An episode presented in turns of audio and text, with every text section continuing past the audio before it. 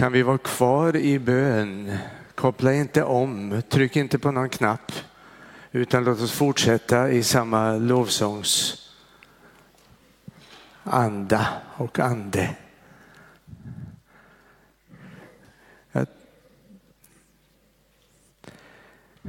Jag vill bara hälsa er. När jag vaknade upp i morse och började be så bara la Gud på mitt hjärta att jag skulle hälsa till er allihop var och en för sig. Ni vet de välkända orden i första Korinthierbrevet 12 om Kristi kropp. Det finns ingen, ingen enda i det här rummet som Gud inte ser. Det finns ingen enda som inte skulle ha någon uppgift eller någon funktion. Och ingen kan säga till dig, jag behöver dig inte. Men det viktigaste tror jag för många av oss, det är att vi inte säger till oss själva, jag behöver, jag är onödig, jag behövs inte. Jag tror att det är en väldig frestelse. Jag är hemma i två länder, egentligen mer i Österrike än i Sverige. Men båda länderna har samma problem, eller rättare sagt staden Wien har samma problem som Sverige. Att vi har en tendens att liksom inte förstå hur fantastiska vi är. Vi är Guds skapelser och ingen kan säga till oss, allra minst vi själva, att jag är onödig, jag behövs inte, jag kan inte, jag har inget att bidra med. Jag hade en period i Wien då jag predikade varenda eviga vecka i över ett år på exakt samma tema och det var detta. Och mina medarbetare sa i och för sig att har du hakat upp dig eller liksom, är det inget annat? Men jag sa jag är helt övertygad om att Gud vill få detta sagt. Ända tills det händer något.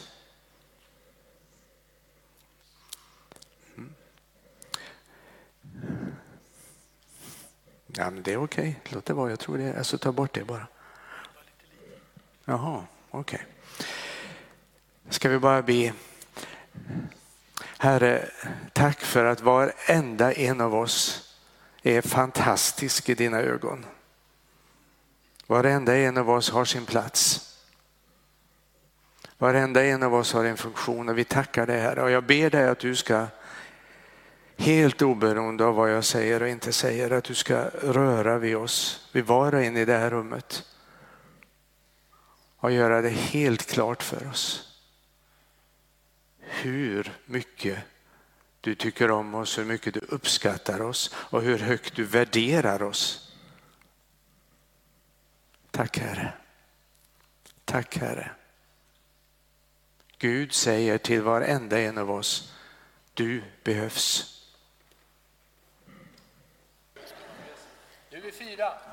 Nej, jag, jag tänkte bara, under tiden ni fixar det ska jag intervjua Thomas lite grann istället. Så utnyttjar vi tiden lite grann på ett annat sätt. Vi har fått reda på lite grann här nu att du har bott en del i Österrike. Stämmer det? Ja, väldigt mycket. Jag är gift sedan 47 år med en vinska. Så jag hann före honom. Jag var inte vinska i och för sig. Eh, jag är några år äldre också.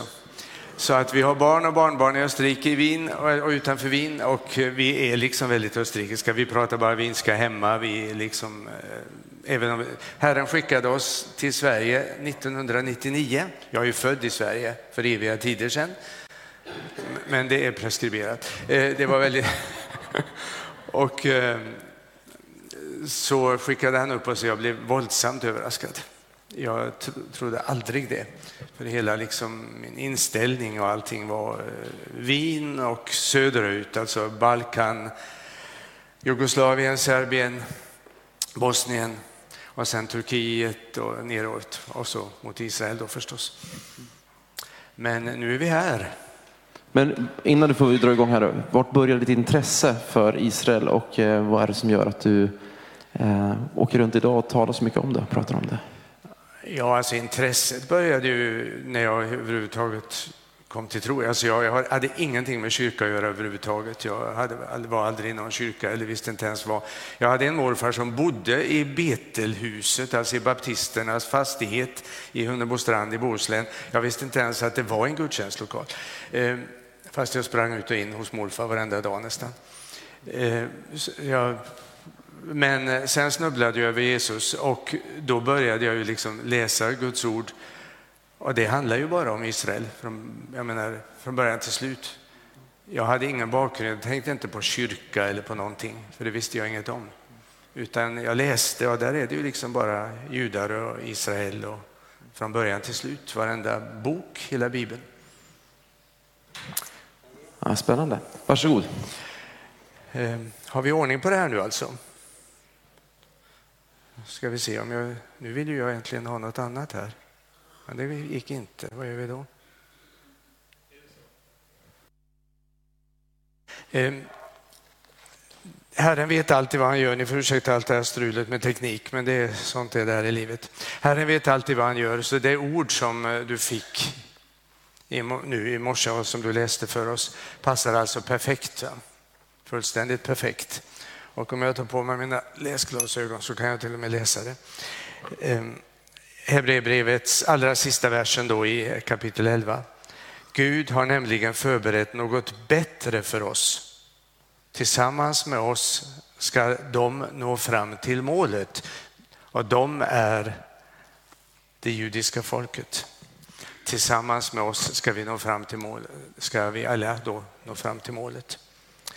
Herre, Herren har alltså någonting för oss, någonting bättre, han har någonting mer. Och allt jag vill göra den här förmiddagen är liksom att utmana oss att gå vidare, att se framåt. För det som Gud har gjort för oss är fantastiskt. Men det som han vill göra är ännu mycket mer. Och det är kopplat i högsta grad till det judiska folket därför att Gud bestämde sig från början för att använda eh, dem som kanal och för att basera sin verksamhet. Vi är alla en stor Guds familj och eh, den familjen eh, alla familjer måste ha ett hem, alla familjer måste börja någonstans, måste grundas någonstans. Och det, Guds familj grundades med en mamma och en pappa förstås, för det är ju så det måste vara om man ska ha en familj. Och det var Abraham och Sara för väldans massa år sedan. Och sen har den familjen bara vuxit och vuxit och i den familjen finns det både biologiska barn, det är de som vi kallar judar, som har samma DNA fortfarande. Eh, men det finns också mängder av icke-judar som är adopterade in i den familjen. Det finns bara en gudsfamilj, men den består av biologiska barn och adoptivbarn. Och adoptivbarn har ju exakt samma rättigheter som ni vet, hoppas jag, som biologiska barn. Det är ingen skillnad alls. Men tillsammans för oss Gud framåt och Gud har inte gått i mål. Ja, det är det. Okej. Okay. Nu tror vi på det här. Amen. Det är inte farligt, jag är van. Förra, vad blir det? Förra veckan var jag i Wien, men för två veckor sedan var jag nere i Skåne och där fick de ringa in en tekniker. Jag hade gett, liksom talat om exakt vad jag ville, men vad jag inte visste var att de som jag hade talat med, min, mitt värdfolk, de var lite drygt 80 år. Va? Och jag hade ju kunnat säga precis vad som helst om de här datorerna och det hade inte betytt ett smack för dem i vilket fall. Så de sa ja, ja, allting finns. Och sen 20 minuter i så fick, ringde de och faktiskt var att, de, att det var en kille som bara satte sig i bilen och körde in och fixade det. Så kan det vara. Som jag sa så vill jag utmana oss. Jag tror att vi är på väg in i en ny fas. Gud har inte gått i mål, Gud är på väg någonstans. Och jag ser det som mitt uppdrag just nu att utmana församlingar, i första hand i Sverige, att haka på tåget. Vi vill ju gå åt samma håll som Gud går, eller hur? Vi vill ju vara med. Och jag vill verkligen, för allting som Gud gör, gör han tillsammans med sina barn. Vår pappa är inte en pappa som sköter allting själv, utan han vill involvera oss. Han vill att vi ska vara med. Och visserligen tar det mycket längre tid.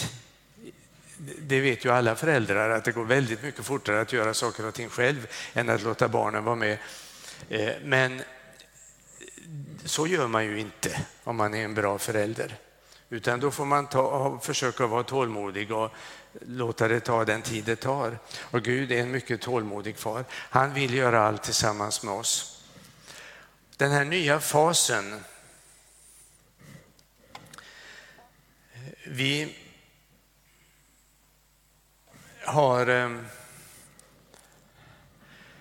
i vår evangelisation, i vårt arbete, så har vi väldigt mycket fokus på Jesus som Messias eller som Kristus som vi ofta säger på grekiska. Eh, men vi måste tänka på att det här Messiasuppdraget som Jesus har, det har två sidor. Det vi brukar sikta in oss på är det här med Jesus som lamm. Lamm, Guds lamm som dog på korset, som tog på sig våra synder. Och det är utgångspunkten. Det var det första han gjorde, det var när han kom första gången. Korset är utgångspunkten, det är ingen tvekan om det. Men det är inte slutet på Jesus uppdrag. Utan det händer saker och ting. Och när vi läser i Uppenbarelseboken som leder oss in i framtiden så ser vi det att det händer någonting med det här lammet. Lammet som blev slaktat är värdigt att ta emot makten, står det i Uppenbarelseboken 5.11. Och sen om vi fortsätter några kapitel längre fram så händer det ännu mer. Där står det att lammet ska besegra dem eftersom han är kungarnas kung. Lammet är Jesus, men Jesus är också lejonet av Juda, kungen. Och vi är i en fas, tror jag, och många med mig, då vi måste som församlingar ta tag i den sidan och börja proklamera och be, undervisa om och förkunna Jesus, inte bara, om ni ursäktar, som lamm, även det är utgångspunkten, missförstå mig nu inte. Vi kan inte hoppa över det. Det var vad de eh, judiska religiösa ledarna ville göra på Jesu tid. De ville hoppa över det här. De hade inte fattat det här med korset eller med att Guds Messias måste dö för våra synder. Det är utgångspunkten, så missförstå mig inte. Men det tror jag att vi har hyfsat grepp om, eller? Jag tror det. Ja, då får vi ta tag i det nästa. För att Gud har inte gått i mål som vi fick höra ur Hebreerbrevet här på morgonen. Gud har en frälsningsplan och vi måste se till att vi har grepp om Guds hela frälsningsplan och inte missa något. Den frälsningsplanen inkluderar att Gud vill frälsa individer. Han har lyckats med Kalle, det är inte illa det. Han har till och med lyckats med mig som reste runt i olika länder och demonstrerade på gatorna för ren och skär ateism. Både, jag bodde både, både i Sverige och i Italien, drabbades av detta.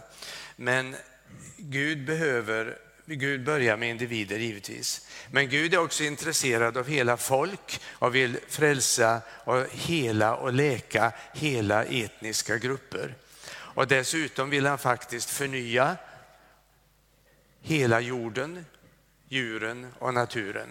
Om ni, jag ska inte predika eller undervisa om detta nu, utan jag ber er köpa mina förträffliga böcker så står alla detaljer i de här böckerna, inklusive om detta med naturen och miljön utifrån Guds ord. Men Gud har inte gått i mål. Och det jag vill prata om nu är när Gud går i mål. Där ser du Johan att han visste vad jag skulle prata om, höll jag på att säga. Han talade om det för dig, det är klart han visste. När går Gud i mål? Vet vi det?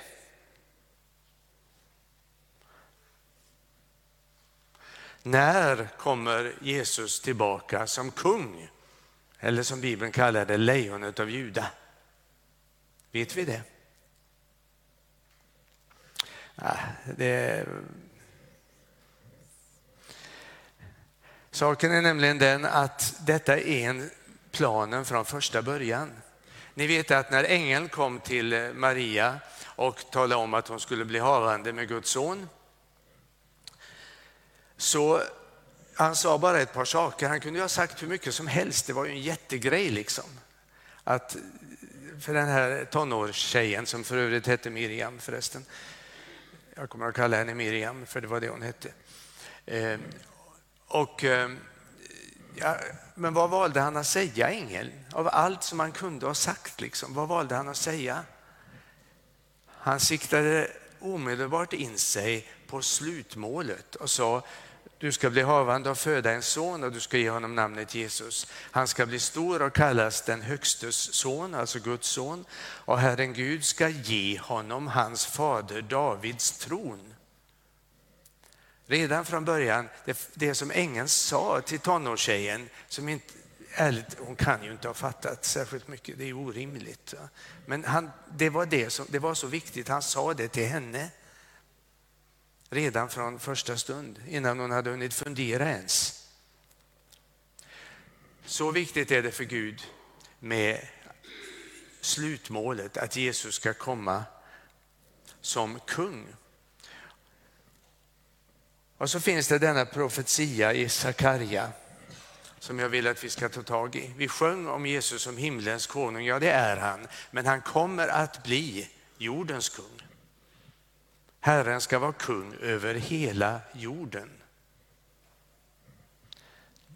När han kommer tillbaka så kommer det att hända en del saker, men han kommer att sätta sig på gamle kung Davids tron i Jerusalem. Jag vet inte om stolen finns väl inte kvar, men han kommer i varje fall att bli kung i Jerusalem, men regera och styra över hela jorden. Det är ett slutmål. Då kommer jorden att förnyas med allt vad det innebär. Då kommer det inte att finnas någon död på jorden. Om ni är intresserade av alla de här sakerna som jag hoppas ni är så kan ni om inte annat koppla upp er på Youtube-kanalen och lyssna på det jag undervisade om igår. Frågan är, är detta viktigt för oss här i Sverige? Ja, jag vill bara säga ett par ord om detta. Vi behöver Jesus som kung. Varför då? Jo, därför att vi behöver en värld, vi behöver ett samhälle som är, har mycket mer av godhet, av rättfärdighet, av rättvisa, av frihet än vad vi har. Även i vårt fina Sverige där det ju jämförelsevis är väldigt lugnt. Men det är ju inte så riktigt lugnt längre som vi fick erfara, är det två helger sedan nu, jag har varit bortrest, men eller var det förra helgen? Det, ni vet, med alla upploppen. Och det finns andra folk där det är ännu långt mer akut. Givetvis just nu i första hand Ukraina, men vi kunde rabbla upp länderna.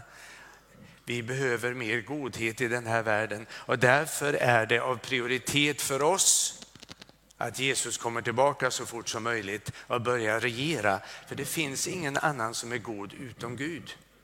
Det är Bibelns klara budskap. Vi kan försöka, och det är bra om vi försöker, men det, vi kommer aldrig riktigt fram och ofta hamnar det snett hur väl vi än vill. Jag ville bara väl som tonåring och satsade stenhårt på att förbättra världen och hamnade i att min stora idol var en av historiens värsta marsmördare. Kinas Mao Zedong. Minst 30, förmodligen 60 miljoner människor har han på sitt samvete direkt. Och han var min stora idol och jag ville inget annat än väl.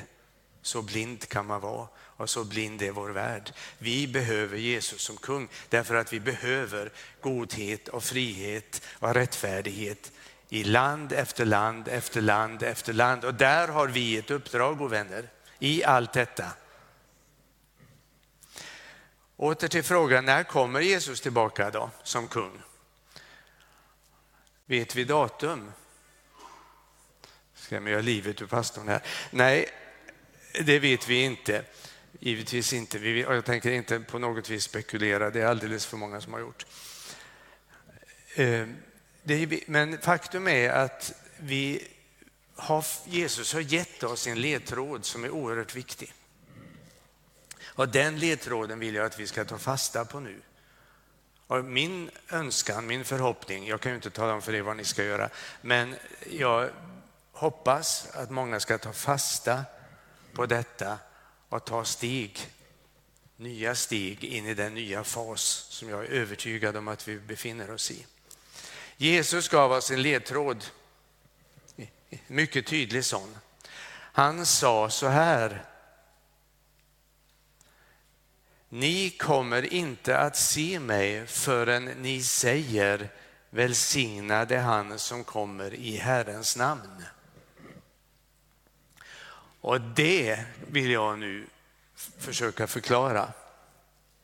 Om vi börjar på det, vad betyder detta? Ja, vi undrar, det vore nästan kul att göra en sån här enkät och hur många har ens funderat på det? Hur mycket för är detta en del av vår förkunnelse av vårt liv? Det handlar alltså om när Jesus, när vi kommer att få se Jesus igen, eller ni, vilka är vi? Ja, vi återkommer till det. Men det står ni kommer inte att se mig igen förrän, han sa detta, han stod ju framför dem, så de såg honom ju då. Men alltså, ni kommer inte att få se mig igen förrän ni säger välsignade han som kommer i Herrens namn. Och de han talade med visste med ytterst stor sannolikhet, nästan helt säkert, 99 procent, exakt vad han syftade på. Därför att de här orden, välsignade han som kommer i Herrens namn, det är alltså en, en så kallad Messias hälsning i det som vi kallar Gamla testamentet, i de hebreiska skrifterna, i Saltaren till exempel. Välsignade han som kommer i Herrens namn, det betyder översatt till så som vi pratar tror jag, välkommen Messias. Det är en hälsning, man hälsar på varandra på det här viset. Och den som kommer i Herrens namn, det är Guds Messias. Som vi envisas med att prata om på grekiska som Kristus. Det är alltså samma sak, Kristus, Messias, hebreiska, grekiska.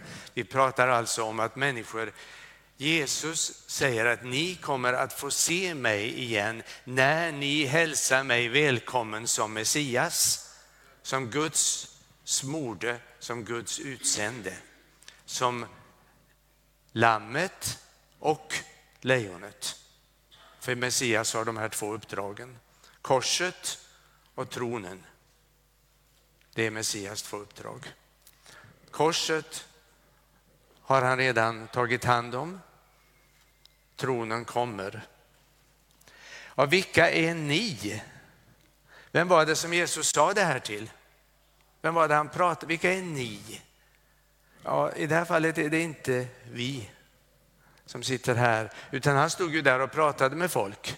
Och de han sa det till var invånarna i den här stan, om den nu kommer fram så. Nej, den hoppar den här. Så då. Och nu syns det. Ehm, detta såg ju, stan såg ju förvisso inte ut så här på Jesu tid. Detta är alltså Jerusalem, fast nu förstås. Med alla moderna ljus och så vidare. Och här är lite närbilder från samma stad, fast nu.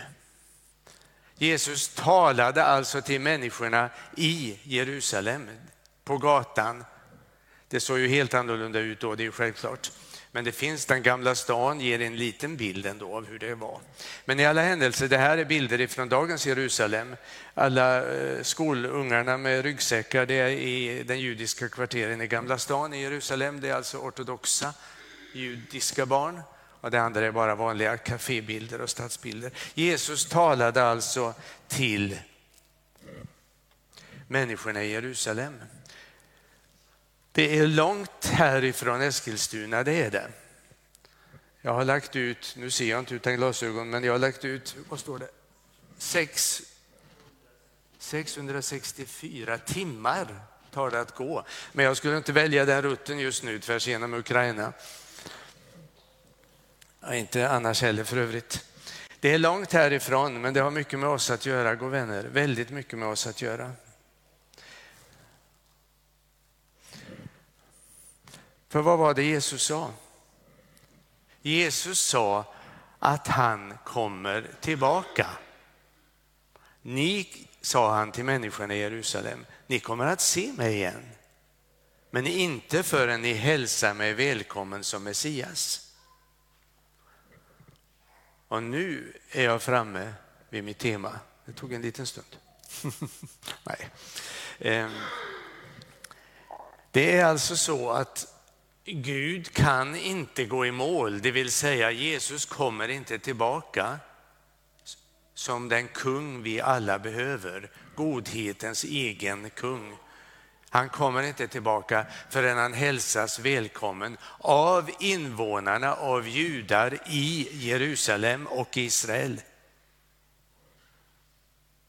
Han säger det. Det är inte mycket jag kan göra åt. Om ni inte gillar det så skjut inte mig, jag är bara budbärare. Jag kan inte se att det står något annat i Guds ord. Och då ska vi... Vad innebär det? Ja, det innebär att det måste finnas människor, judar i Jerusalem och Israel som tror på Jesus som Messias. Annars hälsar de honom ju inte välkommen. Och då är vi framme vid det som kallas den messianska rörelsen. Vi kallar oss kristna, det är grekiska för Kristus troende eller Jesus troende då. I, på hebreiska heter det inte Kristus utan Messias och därför kallar de sig inte för kristna på grekiska utan de kallar sig för messianska. Och det syftar på samma sak, att de tror att Jesus verkligen är denne Messias. Det finns en messiansk rörelse i Israel idag. Här har vi en av de kända lovsångsledarna, en av mina favoriter. Han spelar persisk eh, gitarr, det heter tar, heter det, och är en fantastisk musiker. Här har vi en kändis bland lovsångsledarna, Jamie Hilston, de jobbar mycket ihop. Och eh, så eh, är det, det är väldigt mycket lovsång. Här är ett, eh, ja, det spelar ingen roll vilka det är, men jag lyssnar på dem ofta. Eh, det finns Messias troende judar i Israel idag. Det finns det.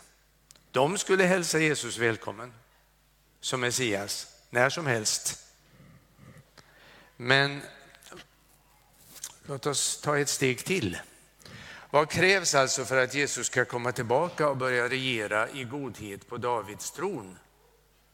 Inte bara över Israel utan över hela världen. Vad krävs? Ja, det krävs ju då att Jerusalem är judiskt så att det får lov att finnas judar där. Och det krävs att han välkomnas då som Messias av dessa judar i Jerusalem och Israel.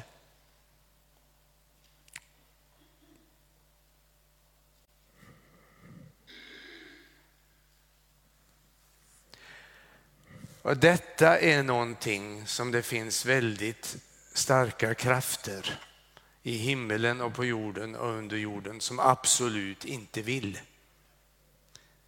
Det finns starka krafter som absolut inte vill att Jesus ska komma tillbaka och regera i godhet därför att de, vill, de står inte ut med godhet. Allt ifrån vår huvudfiende själv till de som går hans ärenden bland både änglar och människor. Det finns gott om Guds fiender. De vill inte ha, veta av någon godhet, någon frihet, någon rättvisa, någon rättfärdighet. Absolut inte detta. De vill död och förstörelse. Det är bra mycket enklare att tro på helvetet än att tro på himlen. Det är bara att koppla på nyheterna eller gå in på internet och titta vad som händer i världen. Det finns kan inte vara svårt att tro på ondska, vill jag på säga, för det är, finns det så gott om. Det finns starka krafter som absolut inte vill detta. Och vad innebär det? Jo, det innebär att, ska vi se om det här fungerar, att det, de vill absolut inte, nu gick jag tillbaka alltså, de vill absolut inte att Jerusalem ska vara judiskt och de vill absolut inte att Jesus ska välkomnas som Messias av några judar i Jerusalem och Israel. För när det sker, då, kommer, då sätter han sig på tronen och börjar regera.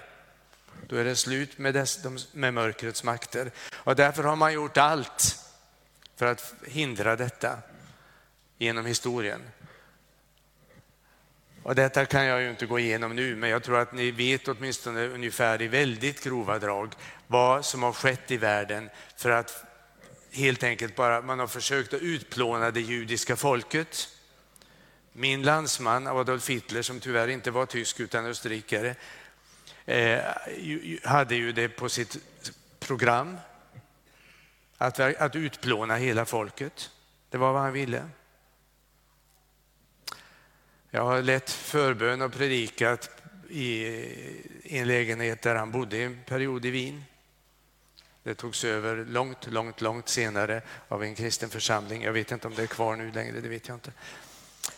Ehm, ni känner säkert till åtminstone något om allt vad som har hänt. Jerusalem förstördes som stad redan mellan först år 70, sen år 135, alltså nästan direkt efter Jesus. Man kunde inte ens stå ut med att låta namnet vara kvar.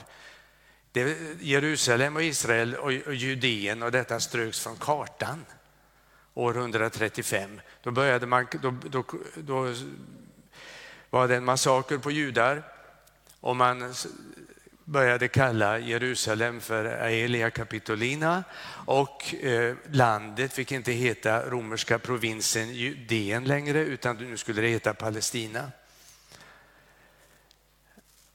Det namnet infördes år 135. Inte ens på kartan fick det vara kvar. Och varför? Ja, därför att man absolut inte vill veta av att Jesus kommer tillbaka för att regera som kung i godhet över denna vår jord. Det fanns inget Israel mellan år 70 ungefär och eh, 1948. Det fanns heller ingen messiansk Jesus-troende rörelse i världen från år cirka 400 i 1500 år framåt därför att kyrkan förbjöd det. Du fick inte ens vara medlem i kyrkan och bli döpt om du inte avsade dig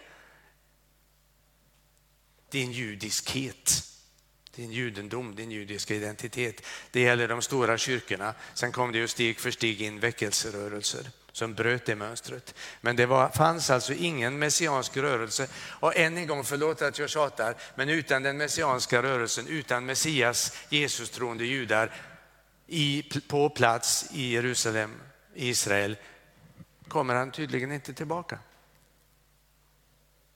Så vad ska då Gud göra? Det är klart att Gud agerade. Jättesnabbt nu. Gud agerade genom den här gubben.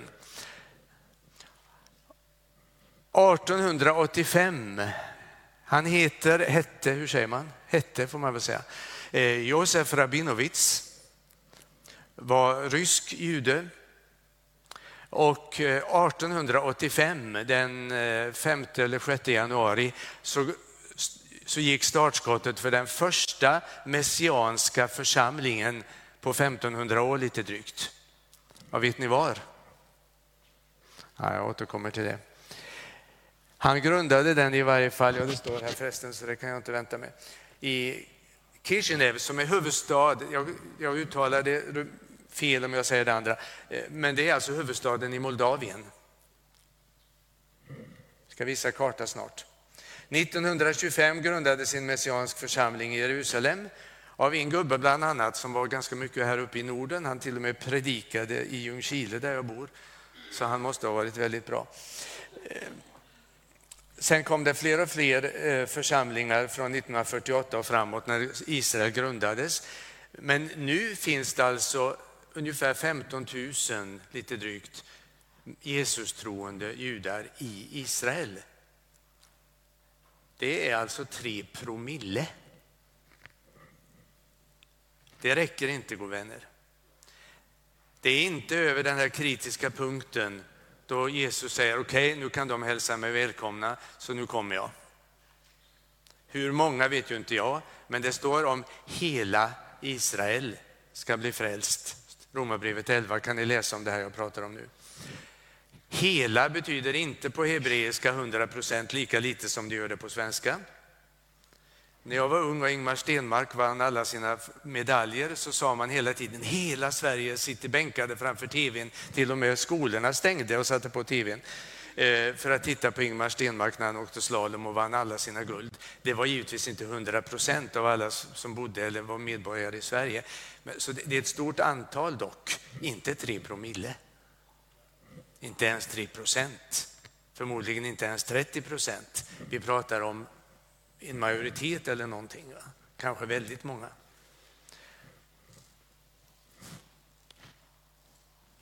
Det hände mer saker då på 1880-talet. För det räcker ju inte att det finns messiastroende judar, de måste finnas i Israel. Och Israel fanns ju inte. 1882 så grundades den första sionistiska bosättningen i det gamla hemlandet. Det betyder alltså att judar åkte till Israel och grundade en by, en stad, helt enkelt med avsikt att nu måste vi börja flytta tillbaka till vårt land. Det hade bott judar där under alla år. Men då var det liksom medvetet ett steg framåt. Nu ska vi göra detta, nu ska vi tillbaka till vårt land.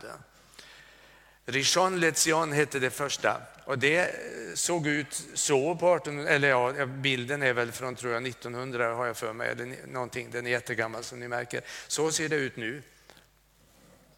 Detta är eh, en, eh, ingår i Stor-Tel Aviv.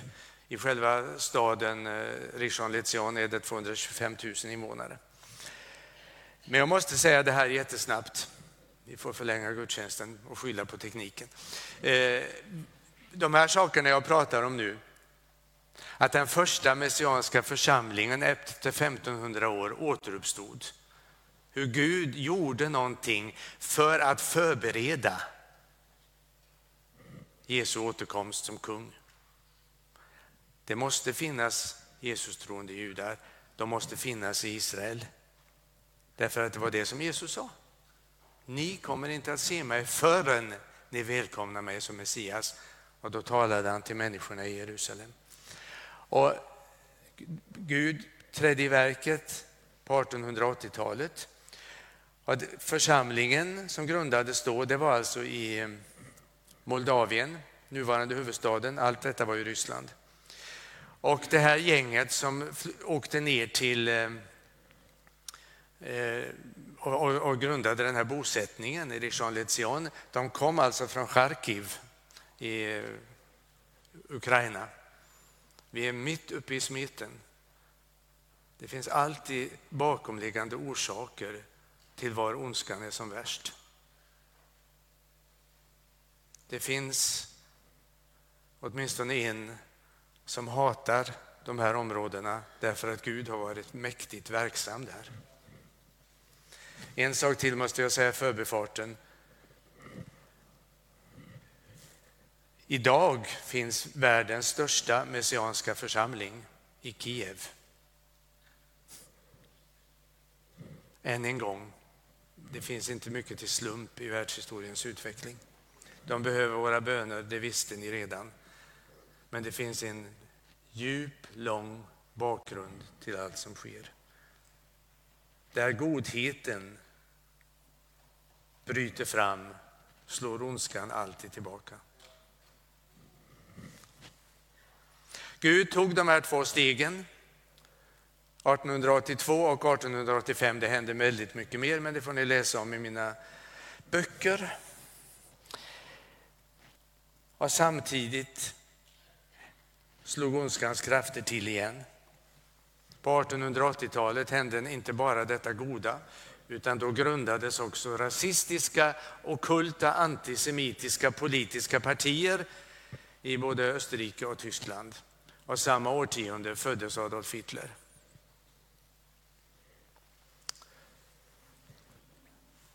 Och vi vet vad som hände. Koncentrationsläger. Och nu är min fråga, Guds fiender, frihetens fiender, de har koll på vad som händer och gör sitt bästa för att slå tillbaka. Har vi koll? Har vi koll på tidens tecken? Är vi med i det som Gud gör? Har vi koll på hur viktig den messianska rörelsen och landet Israel är för vår framtid? För allt detta goda som Gud vill göra på jorden. Och det är hela min uppmaning till oss. Att vi ska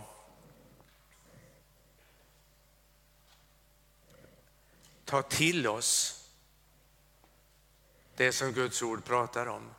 Se framåt och haka på med våra böner, med vårt engagemang. 3, procent, 3 promille förlåt, troende, Jesus-troende judar i Israel räcker inte.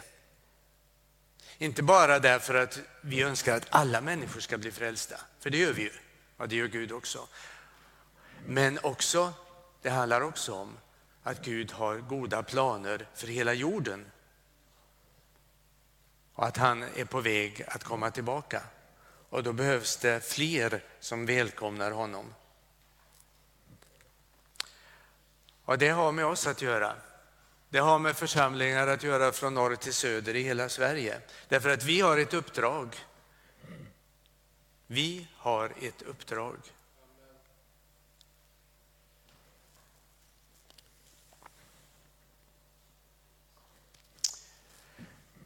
Nu händer ingenting när jag trycker på de här knapparna, men vi får se.